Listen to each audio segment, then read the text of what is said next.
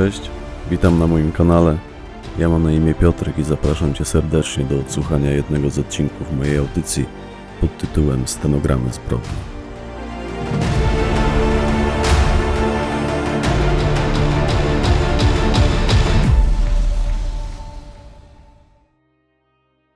Proceder, część czwarta. Fragment stenogramu rozmowy z Jerzym S., pseudonim Dziadek. Zanim wrzuciliśmy go do tego bagażnika, Luty sprawdził zawartość jego kieszeni. Wyjął z nich jego portfel i kluczyki do BMW, którym przyjechał ten facet. To była praktycznie nowa siódemka, czarna, z przyciemnionymi szybami, w pełnym wyposażeniu, skórzane siedzenia i tak. Rzucił mi te kluczyki i powiedział: Masz dziadkie, od dzisiaj jeździsz BMW. I kiedy typ leżał już w bagażniku Alfy, mówię do Lutego: Przecież nie mogę wziąć sobie od tak czyjegoś auta. A Luty powiedział: Możesz, gwarantuję ci, że on nie będzie miał nic przeciwko. Zaraz potem zmyliśmy się stamtąd. Ja moim nowym BMW, a Luty z sobą Alfa Romeo, z tym kolesiem w bagażniku. Pojechaliśmy w kierunku miasta, bo stamtąd widać było, że tam, wciąż jeszcze na obrzeżach, rozciąga się jakiś las czy park. Zamierzaliśmy tam na uboczu dokończyć temat z tym facetem, ale nie dojechaliśmy tam, bo po drodze minęły nas dwa pędzące na sygnałach radiowozy. Alfa, która jechała przede mną chwilę po tym, jak radiowozy nas minęły, zatrzymała się na poboczu drogi. Chłopaki wysiedli, wyciągnęli tego faceta, rzucili go na pobocze. Ja też wysiadłem, podszedłem do nich, spytałem, co się dzieje. Luty przez chwilę klęczał przy nim, próbował go ocucić. Chciał chyba z nim jeszcze pogadać, ale wciąż się nie dało. Potem stanął na nogi, oznajmił, że powinniśmy się ewakuować, bo widocznie cieć z komisu powiadomił już gliny i atmosfera się zagęszcza. I zostawiliśmy go tam, na tym poboczu drogi, a sami wróciliśmy do Świdnicy. Ale jak to twierdził Luty, to nie koniec, problemy tego śmiecia dopiero się zaczęły. Jeszcze gdy odjeżdżaliśmy stamtąd, wychylił głowę z Alfy, krzyknął do niego: Szykuj się na kolejne spotkanie, synu, bo wiesz, ile jesteś mi winien. A on wił się tam przy drodze, skołowany, dopiero dochodził do siebie. Wątpię, że cokolwiek z tego, co powiedział Luty, zrozumiał aczkolwiek na pewno był potem świadom, co mu się przydarzyło. My się zaraz stamtąd zmyliśmy jakimiś bocznymi drogami, w okolicy wciąż niósł się dźwięk syren. Nie chcieliśmy narobić sobie z tym frajerem przypału. Z tego co wiem, gdy go znaleziono na tej drodze i już po tym jak doszedł do siebie w karetce, która do niego tam zajechała, zeznał przesłuchującym go funkcjonariuszom, że swoje auto zwyczajnie sprzedał, a potem z radości wypił dwa piwa, Potknął się w drodze powrotnej do domu, upadł, uderzył się w głowę i dlatego tam zaległ. Zaprzeczył wszystkiemu, co powiedział w zgłoszeniu jego pracownik i psiarskie dały sobie siana. On wiedział, czym mu grozi sprzedanie nas na psy. Miał świadomość, co może się z nim stać. Zachował się tak, jak powinien, natomiast mówię, to nie był koniec. Luty w drodze powrotnej, jak mówił, że musi się z nim rozprawić, to robił to przez zaciśnięte zęby. Taki był na niego wkurwiony. Fragment stenogramu rozmowy z Robertem D., pseudonim Figura. Proszę pani, ja nie znam każdego szczegółu tej historii, bo mnie jeszcze wtedy w Ferajnie nie było. Natomiast znam jej dalszy ciąg z późniejszych opowieści chłopaków, w szczególności Sowy, który przy wódce czy przy kresce lubił do tego wracać pamięcią. Gdy później znalazłem się w ekipie, wielokrotnie musiałem tej historii wysłuchiwać i wcale się nie dziwię, że dziadek nie bardzo chciał pani wyznać jej dalszego ciągu. Nie wiem, może się wstydzi, ale ja powiem, co mi tam. Raczej nikt nie będzie miał mi tego za złe. Dzień czy dwa dni później chłopaki siedzieli przy stole w kuchni mieszkania Olgi. Był tam luty, dziadek i sowa. Olgi nie było, była w pracy, jej syn w przedszkolu, a chłopaki naradzali się przy butelce whisky, w jaki sposób skutecznie wyjaśnić tego typa i wyegzekwować ewentualne żądania i doszli do wniosku, że pod żadnym pozorem typowi odpuścić nie wolno, natomiast niekoniecznie chcą mu zrobić krzywdę. Zależało im bowiem jedynie na tym, by wyciągnąć od niego kasę. Do tego coraz większymi krokami zbliżał się termin zwrotu długu Darkowi. I wymyślili wtedy, że najlepszym sposobem na odzyskanie tych pieniędzy od tego faceta będzie porwanie dla okupu kogoś z jego rodziny, pokazanie mu, że to nie są żarty, że grozi mu nie tylko zwyczajne mordobicie, ale coś więcej.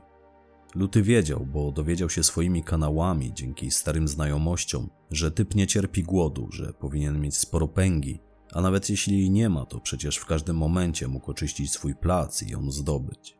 W każdym razie ostatecznie podjęli się tematu porwania konkubiny tego typa dla okupu. Nie, to nie była jego żona, to była jego konkubina. On siedział wtedy z jakąś laską, młodą, dużo młodszą od siebie, o imieniu Ewka. Ponoć ta Ewka miała tylko 19 lat i była bardzo ładną brunetką. I oczywiście chłopaki jak postanowili, tak też postąpili. Pokręcili się pod domem tego frajera, jego adres znali z jego dowodu, który był w portfelu, a z kolei który wyjął mu z kieszeni luty. Pokręcili się po okolicy, rozpoznali teren, starali się poznać zwyczaje tych ludzi, natomiast z pewnością im się to nie do końca udało, bo gonił ich czas. Brali pod uwagę możliwość, że facet z jakiegoś powodu w rzeczywistości może być goły, że bogaty to on może być tylko na pokaz, bo ludzie jego pokroju lubią żyć na pokaz, ponad stan, więc chcieli zrobić to szybko, by ewentualnie dać mu jeszcze czas na zdobycie pieniędzy. Mówię, pewną opcją było to, że dłużnik lutego ma komis i może dość szybko pozbyć się przynajmniej części jego zawartości, by zdobyć gotówkę. Ponoć chłopaki trochę dygali się tego podjąć, najbardziej dziadek, który w podobnych akcjach nie miał żadnego doświadczenia. Nigdy chyba do tamtej pory nawet notowany nie był, bo z kolei Luty, to wiadomo, miał tłustą motywację, by doprowadzić tę sprawę do końca. A Sowa? Jemu to wszystko zwisało, on był gotów zrobić wszystko, o co poprosiłby go Luty. Miał predyspozycję do bycia bandytą, na takiego też pozował, więc naginając prawo w jakikolwiek sposób czuł się po prostu jak ryba w wodzie. Tylko wiecznie kłapał tym jęzorem, ciągle trzeba było go gasić. Ponoć dziadek długo się migał, by pójść z sobą w taki temat, ale ostatecznie Luty go namówił. Dał mu gwarancję bezpieczeństwa spośród trzech kominiarek, które kupili na te akcje. Dał mu tę, która miała najmniejsze otwory na oczy, żeby na pewno nikt go nie poznał. Więc już kilka dni później chłopaki po raz kolejny wybrali się do Krakowa, zabukowali się tam w jakimś hotelu czy hostelu. Autem z wypożyczalni kręcili się pod domem tego frajera na mydlnikach. Badali teren i rozpatrywali różne opcje, szukali różnych rozwiązań. Ostrożnie sobie wszystko planowali. W tym samym czasie wynajęli w małej zapuszczonej wsi pod miastem niewielki dom jednorodzinny. Pani wybaczy, ale za cholerę nie pamiętam nazwy tej miejscowości. W sumie wynajęli ten dom za grosze i nie mam pojęcia, jak udało im się to zrobić, ale zrobili to na dowód tego frajera, któremu chcieli porwać kobietę. To znaczy, powiedzieli, że dom wynajmują dla brata jednego z chłopaków. Ten rzekomo miał wrócić z Niemiec zamiarem osiedlenia się w Polsce, szukał sobie niby miejsca w kraju, by rozwinąć skrzydła. I w całej tej bajerze podstawili wynajmującej ten dom kobiecie dowód tego faceta. Ona bez słowa przepisała z niego dane do umowy. Wkurzeni nieco byli, bo się nawysilali, żeby sprzedać jej w miarę wiarygodną bajeczkę, a ona jak gdyby nigdy nic po prostu to łyknęła. Nie zadawała żadnych zbędnych pytań. Widocznie też zależało jej tylko na tym, by ten dom wynająć, bo od dłuższego czasu miał stać pusty. To wówczas była przedwojenna jeszcze rudera, niewielki dwupiętrowy domek na uboczu, małe podwórko, spory sad za tym domkiem. Dalej rozciągały się tylko pola i polne drogi. Przy domku był mały ganek, on miał piec węglowy w kuchni i piec centralnego ogrzewania w łazience. Ponoć wcześniej mieszkała tam matka tej wynajmującej, która krótko przed tym zmarła. I nikt tego domu nie chciał kupić, więc w końcu trafił pod wynajem, bo mówię, to była rudera, ale był tam prąd, woda i tak dalej, wokół same pola i lasy. Kilka dni spokojnie można było w nim przesiedzieć. Do tego, co chłopaki sobie zaplanowali, ten dom nadawał się idealnie. Zapłacili tej kobiecie za miesiąc z góry, a po kilku dniach rozwiązali umowę. Nie domagali się przy tym zwrotu gotówki, więc ona raczej wyłącznie na tym skorzystała. W mojej ocenie, natomiast ja mogę to tylko oceniać jako słuchacz, nie byłem uczestnikiem tych wydarzeń. Jak na pierwszy raz chłopaki całkiem nieźle się do tego przygotowali. Szczególnie dumny z tej akcji był Sowa, bo to on znalazł tę ruderę na wynajem. Dziadek był mniej zadowolony, bo trochę wtedy wtopił, a Luty, Lutemu zależało tylko na tej forsie. On chciał wyłącznie spłacić swój dług, by w żadnym wypadku nie przyszło mu go odpracowywać. On już wtedy pracował nad swoim nowym wizerunkiem. Praca dla bandziorów nie, bycie bandytą na własny rachunek, konkretna ferajna, jak najbardziej. Pewnie interesuje panią, jak potoczyła się dalej ta historia. To powiem wszystko, co wiem. Krzywdy już tym raczej nikomu nie zrobię. Kilka dni im zajęło zorientowanie się w zwyczajach tych ludzi, między innymi w tym, że ta konkubina tego osobnika, ta młoda laska, popołudniami opuszczała dom i jeździła do centrum Krakowa na fitness. I kiedy kolejnego wieczoru wyszła z domu ubrana w strój sportowy, niosąc w ręce torbę, wsiadła do auta i ruszyła w kierunku miasta, chłopaki zwyczajnie pojechali za nią. W sumie z tego, co potem mówili, wszystko wyszło inaczej niż sobie zaplanowali, bo jadąc za nią w pewnym momencie uznali, że to jest ten moment, że nie ma na co czekać, ani co tego przedłużać. Widocznie emocje wzięły górę nad rozsądkiem. Więc kiedy ta kobieta zatrzymała się na jakimś skrzyżowaniu, oni z piskiem opon zatrzymali się obok niej, na drugim pasie, doskoczyli do jej auta i siłą wydarli ją za kierownicy. Skuli jej kajdankami ręce, wcześniej kupili je w jakimś sklepie z militariami, potem założyli jej na głowę czarny worek i posadzili między sobą na tylnym siedzeniu. Ruszyli stamtąd z piskiem opon. Dziadek siedział za kierownicą, a ona znalazła się między lutym i sobą. No i co mogło być dalej? Potem zawieźli ją do tego domu, który wynajęli. Tam w tak zwanym salonie przywiązali ją do krzesła, zakneblowali jej usta i tak siedziała tam z nimi z tym workiem na głowie. W worku były dziury, żeby się nie udusiła, ale nie na wysokości oczu, żeby oczywiście niczego nie widziała. Ponoć wcale nie stawiała oporu, cały czas była grzeczna, tylko lekko przestraszona.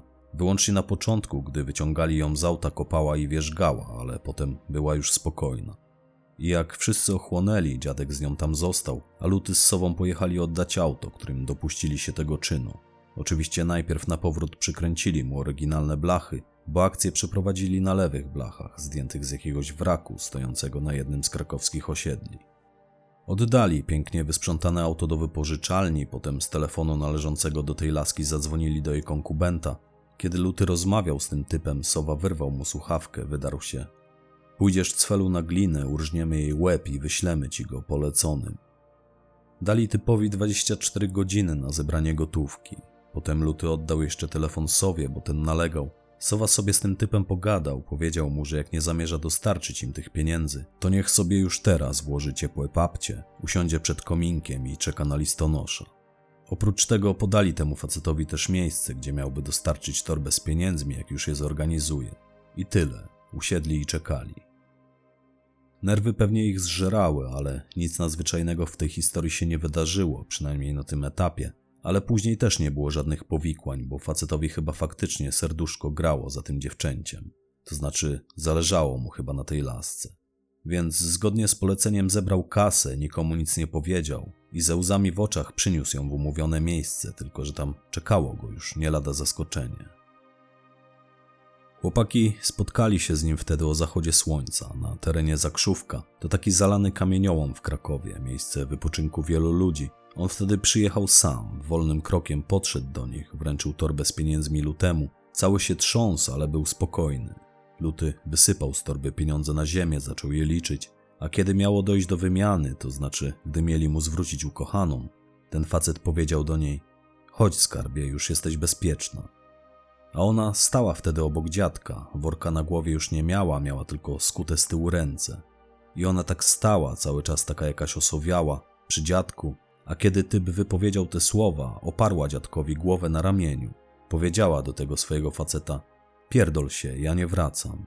A tamten zrobił oczy jak kot ze szreka, spojrzał na lutego, a ten mówi: No co, słyszałeś, co dama powiedziała. Musisz uszanować jej wolę.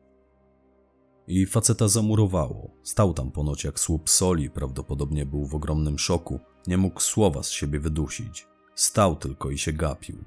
Dziadek zdjął wówczas tej dziewczynie kajdanki, a ona ruszyła w kierunku tafli wody. Zdjęła z siebie po drodze ubranie, weszła nago do tej wody i jak gdyby nigdy nic po prostu sobie popływała. Luty zawsze powtarzał, że nigdy nie zapomni tej sceny, jak ona mówi do swojego faceta: Spierdalaj, ja nie wracam. Wszystkim opadają szczęki, a potem dziadek ją rozkuwa. Ona wchodzi do wody i woła dziadka. Zaraz po tym dziadek się rozbiera i idzie popływać razem z nią. No i co miał ten gościu począć? Spuścił nos na kwintę, ze łzami w oczach zawinął się stamtąd, Chłopaki też niedługo potem opuścili to miejsce, a ta Ewka razem z nimi. Aczkolwiek z tego co wiem, chłopaki byli całą tą sytuacją zaskoczeni prawie tak samo jak ten facet. No, być może oprócz dziadka, bo osobiście myślę, że w tamtym momencie dziadek miał te sceny już zaplanowane. I właśnie doszliśmy do sedna tej historii. Ta laska spiknęła się wtedy z dziadkiem. Nieprawdopodobne, a jednak. Otóż, kiedy oni ją tam przetrzymywali w tej ruderze, ona miała na imię Ewka, więc kiedy ją tam przetrzymywali, traktowali ją całkiem nieźle. Żaden z nich nie miał zamiaru zrobić jej krzywdy, oni chcieli tylko odzyskać pieniądze. I jeszcze tej samej nocy, gdy ją porwali, ona wyprosiła u chłopaków, żeby zdjęli jej z głowy ten worek, żeby dali jej się czegoś napić, bo sami wtedy popijali piwko, żeby ukoić skołatane nerwy. Lutego wtedy z nimi nie było, pojechał do miasta zobaczyć, jak zachowuje się ten typ, czy w pobliżu jego domu nie kręcą się gliny. Więc Sowa z dziadkiem siedzieli tam z nią w tej ruderze, pili piwo, oglądali telewizję. I ona wyprosiła, żeby dać jej się czegoś napić, potem żeby zdjąć jej z głowy ten worek. Obiecała, że nikomu nic nie powie. Sowa był już lekko pod wpływem, zdobył się na odwagę, aczkolwiek głupio zrobił z punktu widzenia tego, ile mógł wszystkim narobić kłopotów. Ale widocznie atmosfera nie była napięta tak, jak mogłoby nam się wydawać. Widocznie to wszystko szło na tyle gładko, że chłopaki też ostatecznie wyluzowali, zwłaszcza po alko. I Sowa zdjął jej ten worek z głowy, jakiś czas później poszedł do drugiego pokoju, położył się tam spać, został z tą laską tylko dziadek, miał ją pilnować. Nie wiem, co mu strzeliło do łba, ale z jego wersji wynikało, że zrobiło mu się jej żal, aczkolwiek ja uważam, że on zawsze był miękki do kobiet i dlatego to zrobił. W każdym razie w pewnym momencie on odwiązał ją od tego krzesła, rozkuł jej ręce, pozwolił jej się rozprostować na kanapie. I jak sam potem wielokrotnie twierdził, zaraz gdy ona znalazła się na kanapie, położyła głowę na jego klatce piersiowej. Tak, laska, którą przed kilkoma godzinami porwał z ulicy, po prostu przytuliła się do niego, a później zaproponowała mu też seks. A ten idiota się zgodził, zabrał ją na piętro i zwyczajnie przespał się tam z nią. Ja nie wiem, niech mnie pani nie pyta, dlaczego ona to zrobiła. Widocznie po prostu taka była. Może też udzieliły jej się emocje, a nie potrafiła inaczej sobie z nimi radzić. Nie wiem. W każdym razie w tym łóżku, w którym oboje potem zasnęli, znalazł ich luty. Wpadł w osłupienie, gdy po powrocie zobaczył, że nie ma jej na krześle. Zaczął latać po tej chacie, drzeć się, w końcu wpadł do pokoju na górze, gdzie leżał dziadek i przysłaniał się kocem jak małolat przyłapany na masturbacji. Luty się drze. Gdzie ona kurwa jest? A ona wychyla głowę spod koca, bo dziadek ze strachu przed lutym kazał jej się pod nim schować. Ona wychyla głowę, wyciąga do lutego rękę i mówi: Ewka jestem. Mówię, niech mnie pani nie pyta, co się działo w głowie tej dziewczyny, że postąpiła tak, jak postąpiła. Widocznie miała na to ochotę, może była łatwa, może żądna przygód. Ja jej nie znałem i nie mnie to oceniać. Zresztą osobiście ja lubię takie kobiety. To znaczy, ona akurat na pewno była żądna przygód, bo po tej całej akcji przez jakiś czas była dziadka kobietą. Tak, on ją zabrał ze sobą do Świdnicy, pojechali do Krakowa we trzech, a wracali we czworo. Pojechała z chłopakami tak jak stała, miała ze sobą tylko tę swoją torbę sportową, w niej komplet sportowych ciuchów i buty. Jak dla mnie odważna była, może nawet zbyt odważna.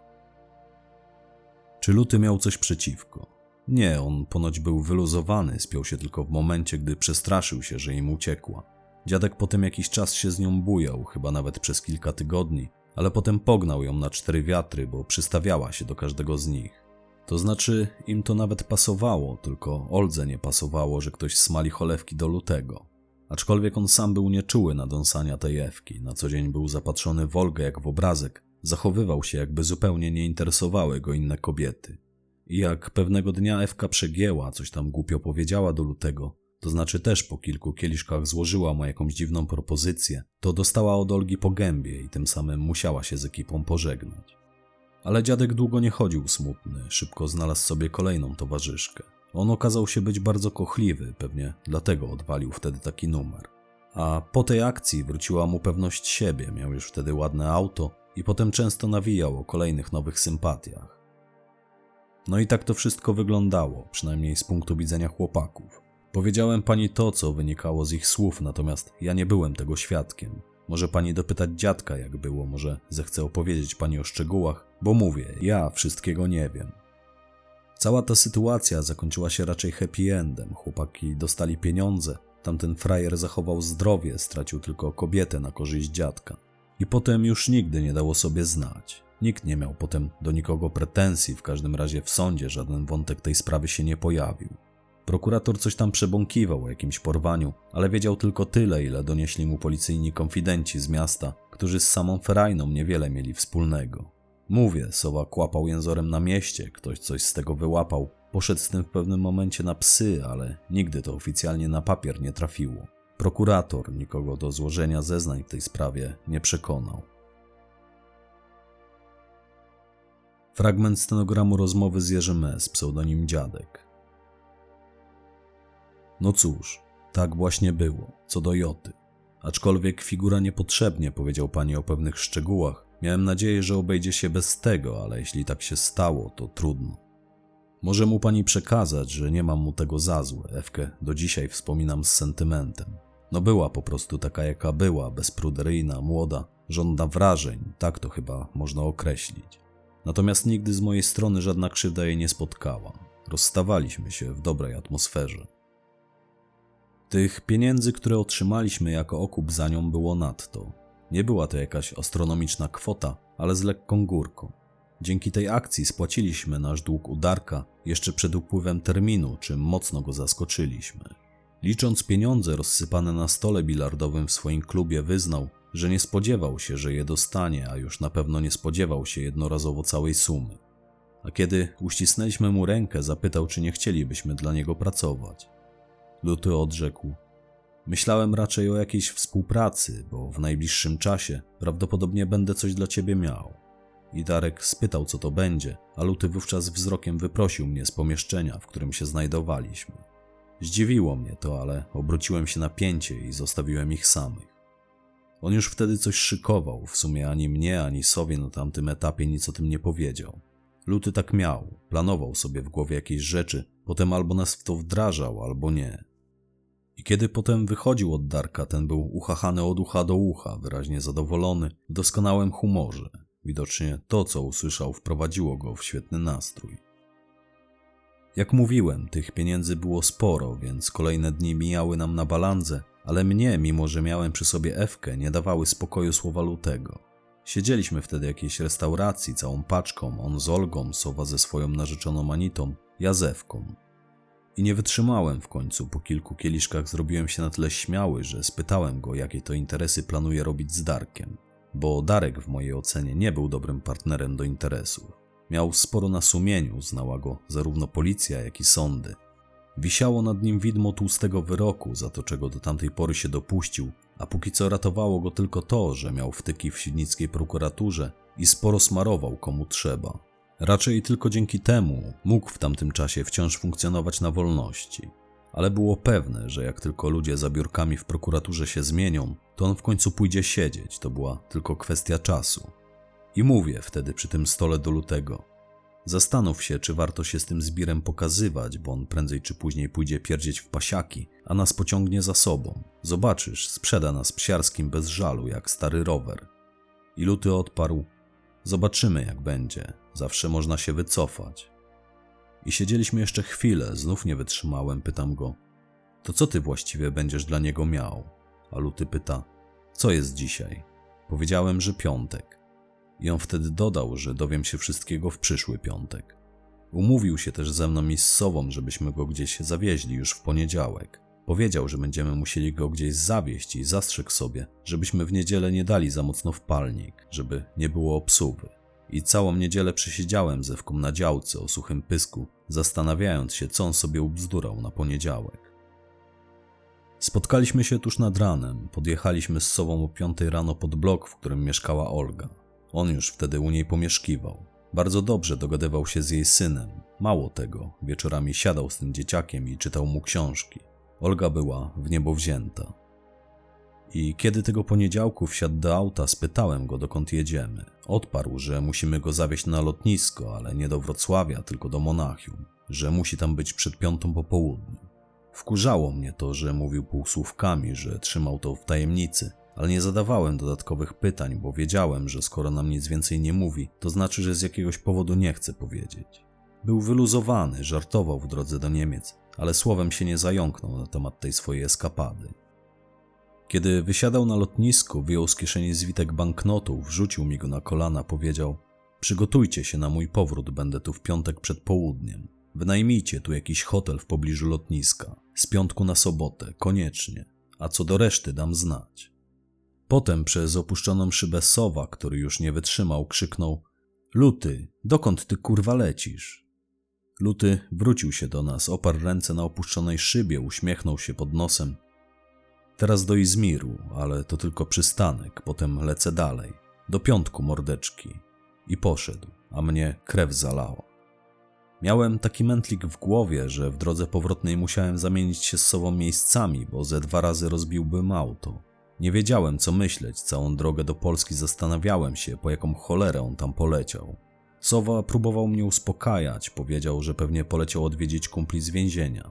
I ostatecznie przyjąłem tę wersję, że Luty poleciał do Izmiru w odwiedziny. Aczkolwiek nie dawało mi spokoju to, że powiedział, iż to tylko przystanek, że potem leci gdzieś dalej. I to, że poleciał bez żadnego bagażu, tylko z saszetką przewieszoną przez ramię. No cóż, musiałem to jednak przełknąć, ale cały tydzień miałem przez niego spaprany. Ja po prostu bałem się, że on się znowu pcha do oktagonu. W czwartek po południu dostałem SMS-a, że następnego dnia mamy czekać pod monachijskim lotniskiem punktualnie o 16.45. Było w tym SMS-ie też kilka innych wytycznych, m.in. opis tego, co mamy ze sobą przywieźć. Pamiętam, jak jechaliśmy w piątek z samego rana do Niemiec, Sowa przez pół drogi obracał w rękach paczkę soli, mamrotał. Po jaką cholerę mu ta sól nie może sobie kupić w Niemczech?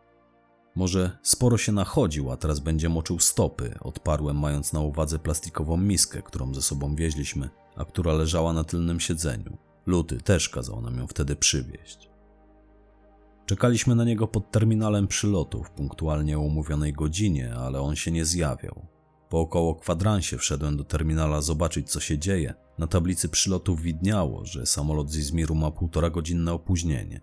Potem wróciłem do auta, kazałem sobie wyjechać z zatoczki, w której staliśmy i zjechać na parking. Siedzieliśmy tam w aucie i czekaliśmy. W sumie to ja wlepiałem wciąż oczy w drzwi terminala, a Sowa uciął sobie drzemkę. Kiedy zbliżała się godzina przylotu, poszedłem do tego terminala. Stanąłem przy rozsuwanych drzwiach sali przylotów. Sporo tam stało osób. Samolot lutego już wtedy zdążył wylądować, natomiast z ponad dwugodzinnym opóźnieniem. I kiedy po przekroczeniu tych drzwi luty zobaczył, że tam stoję, chwycił mnie za szmaty, pociągnął za sobą, spytał wyraźnie wzburzony, gdzie stoimy autem. Zaskoczony tymi jego nerwami, pokazałem mu kierunek, w którym powinniśmy byli się udać. Powiedziałem, że auto stoi na parkingu. Pamiętam, że praktycznie to biegliśmy do tego samochodu, a ja wyobrażałem sobie, że Luty coś nawywijał i uciekamy przed służbą ochrony lotniska. Zaraz po tym, jak wsiedliśmy do auta, Luty kazał się jak najszybciej dostarczyć do hotelu, a gdy już tam dotarliśmy i znaleźliśmy się w wynajętym przez nas apartamencie, w sumie to w jednym z trzech, bo wiadomo, wynajęliśmy sobie w tym hotelu trzy pokoje, Luty wzburzonym głosem powiedział: Dawajcie sól, gdzie jest ta cholerna sól. Sowa podał mu paczkę soli, którą przywieźliśmy z Polski. On zgarnął z biurka hotelową szklankę, wziął ze sobą tę miskę, którą przywieźliśmy, dwie butelki wody mineralnej i poszedł do toalety. Swoim zachowaniem na tyle podniósł nam ciśnienie, że jak tylko zamknął ze sobą drzwi, Sowa popatrzył na mnie i popukał się w głowę. Potem rozwaliliśmy się na kanapie i czekaliśmy aż wyjdzie. Siedzieliśmy tam z 15 minut w akompaniamencie wydobywających się za drzwi łazienki dziwnych odgłosów. Na ich podstawie doszliśmy do wniosku, że latanie lutemu nie służy, bo słychać było, że żyga jak struty. Kiedy tam tak siedzieliśmy, Sowa wyjął z kieszeni tytoń, bledki, rozsypał ten tytoń na stoliku, który tam stał i skręcając sobie szlugi, po raz kolejny opowiedział mi historię, jak to kiedyś po raz pierwszy trafił za kraty. Zna pani tę historię? Sowa trafił do zakładu karnego po numerze, który wywinął swojemu wujkowi. To było lato, on będąc już pełnoletni, wybrał się do kuzynostwa na Mazury. W sumie też uciekł wtedy z domu na złość matce, która już wtedy szlajała się z różnymi łajzami. Sowa miał na Mazurach rodzinę, mieli domek nad jeziorem ze sporą działką. Tam na tej działce jego wuj postanowił pobudować kilka drewnianych domków dla turystów. I on trafił tam akurat w czasie tej budowy. I pewnego dnia, ostatniego dnia jego pobytu tam, popili się wszyscy na tej budowie. On, jego kuzyni i ich ojciec, a jego wujek. Wujek pił wtedy od rana, chodził umorusany w gumiakach, bo oni tam wtedy wylewali beton na posadzki, a oni, ci młodzi, coś mu tam pomagali. I na koniec popili się jak świntuchy, wujek padł pierwszy, bo mówię, pił już od rana. I kiedy zasnął tam na tej budowie, w jednym z tych nieukończonych domków, na jakichś deskach czy paletach, przykrywając się pustymi workami po wylewce, Sowa jak to chuligan z górnej półki wpadł na pomysł, żeby zapiankować wujkowi gumofilce, że to będzie świetny żart. Stała tam piana poliuretanowa w puszce, w sumie już końcówka, bo posłużyła wcześniej do obróbki okien i Sowa wpadł na pomysł, że wpakuje wujkowi resztę tej pianki do gumowców. Oczywiście w momencie, gdy ten spał, wciąż mając te gumofilce na nogach. I jak sobie postanowił, tak też zrobił, ku ciesze swoich kuzynów, którym ten numer bardzo się spodobał. Potem chłopaki dopili, co mieli dopić i poszli sobie stamtąd szukając kolejnej okazji. A gdy wuj obudził się z utwardzoną pianką w butach, było już za późno, by mu te nogi uratować, bo pianka spowodowała, że krew przestała dopływać mu do stóp. Sowa tak go załatwił, że facetowi musieli amputować obie nogi, bo jak on sam powiedział, gdy rozcięli w końcu wujkowi te gumofilce, to stopy wujka były już czarne jak węgiel. I tak Sowa przez własną głupotę trafił do więzienia. Wujek mu tego żartu po prostu nie potrafił podarować, aczkolwiek nie udało mi się wtedy wywnioskować, czy sowa się żali, czy chwali. I w pewnym momencie, jak tam siedzieliśmy w tym pokoju, to znaczy ja ciągle siedziałem na kanapie, a sowa jarał w oknie, z łazienki wyszedł luty z przekrwionymi oczami, trzymając w rękach miskę pełną wymiocin, a na ramieniu miał przerzucony ręcznik. Postawił tę miskę przede mną na stole, mnie się od razu zebrało na wymioty, jak tylko do niej zajrzałem a luty jak gdyby nigdy nic zaczął wyjmować z tej miski jakieś zawiniątka. Potem wycierał je tym ręcznikiem, odkładał na stolik, bez słowa. Patrzę na niego, patrzę na sowę, który stał ciągle przy oknie, tylko był już obrócony w naszą stronę. I ja nie połapałem, co się dzieje, sowa połapał, doskoczył do stolika, wziął w rękę jedno z tych zawiniątek, one nieduże były, mniej więcej wielkości przepiórczych jaj. Zaczął to rozwijać z miną, z jaką dziecko otwiera kinder niespodziankę. On już wiedział, co to jest, dla mnie wciąż była to tajemnica. Luty wstał, wyrwał mu to z ręki, odłożył na stół, potem usiadł z powrotem i wycierał pozostałe. Śmierdziało tam na cały pokój mimo otwartego okna. Z trudem powstrzymywałem się, żeby się do tej miski nie dorzucić. Ale sowa nie dał za wygraną, wziął kolejne zawiniątko, zaczął je oglądać, patrzył przy tym na lutego błagalnym wzrokiem, Luty go zignorował, więc ten rozwinął sobie to zawiniątko, wysypał trochę jego zawartości na blat tego stołu, zaczął tam coś po tym stole kreślić. I kiedy przymierzył się do tego, Luty go odepchnął, powiedział: Ochujałeś? Połowę z tego durniu, to jest czyścioch, po tym co sobie tu nasypałeś, musielibyśmy ci wezwać karetkę. No i sowa patrzy tak na to, niechętnie przesunął ręką połowę tego na drugą stronę stołu, spojrzał na Lutego i pyta: Skąd to masz? A Luty odparł: To tylko próbki, mogę mieć tego więcej, tylko musimy zorganizować sporą sumę i znaleźć sposób, jak to wwieźć do Polski. Potem, gdy Sowa przez kwadrans latał po pokoju jak poparzony, przedmuchując nos i z pianą na mordzie, bo to go pewnie nieźle poparzyło, to był czysty towar, czysty i mocny, o jakim u nas można było tylko pomarzyć. On biegał po tym pokoju albo pijąc wodę i machając łapami, jakby zamierzał wzbić się w powietrze, albo podbiegał do lutego, gadał: ty to masz łeb nie od parady. I w pewnym momencie Luty spojrzał na mnie. Ja wciąż wlepiałem wzrok na przemian w sowę, w tę miskę pełną wymiocin i w te czterdzieści zawiniątek, które leżały na tym stole. On spojrzał na mnie, poklepał mnie po ramieniu, z uśmiechem na ustach powiedział: Nie martw nic, dziadkie. I ja go wtedy pytam, co to właściwie jest. A on mówi: To co myślisz.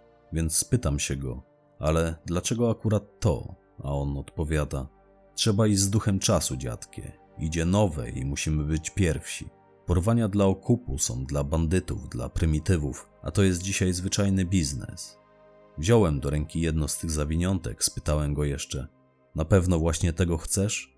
A on powiedział: Chcę, żeby moja rodzina miała godne życie. Sam też chcę żyć godnie, a przed dekadą straciłem jedyną szansę, jaką miałem. Nie mam czasu się zastanawiać, co dobre, a co złe, co teraz i do pośredniaka też nie pójdę. Możesz jeszcze zrezygnować, dziadkie, wciąż możesz to zrobić. I jedyne na co mnie wtedy było stać, to było pytanie, które mu jeszcze zadałem. Zapytałem go wtedy, gdzie on był. Powiedział, że był odwiedzić starych znajomych, aż w Kolumbii.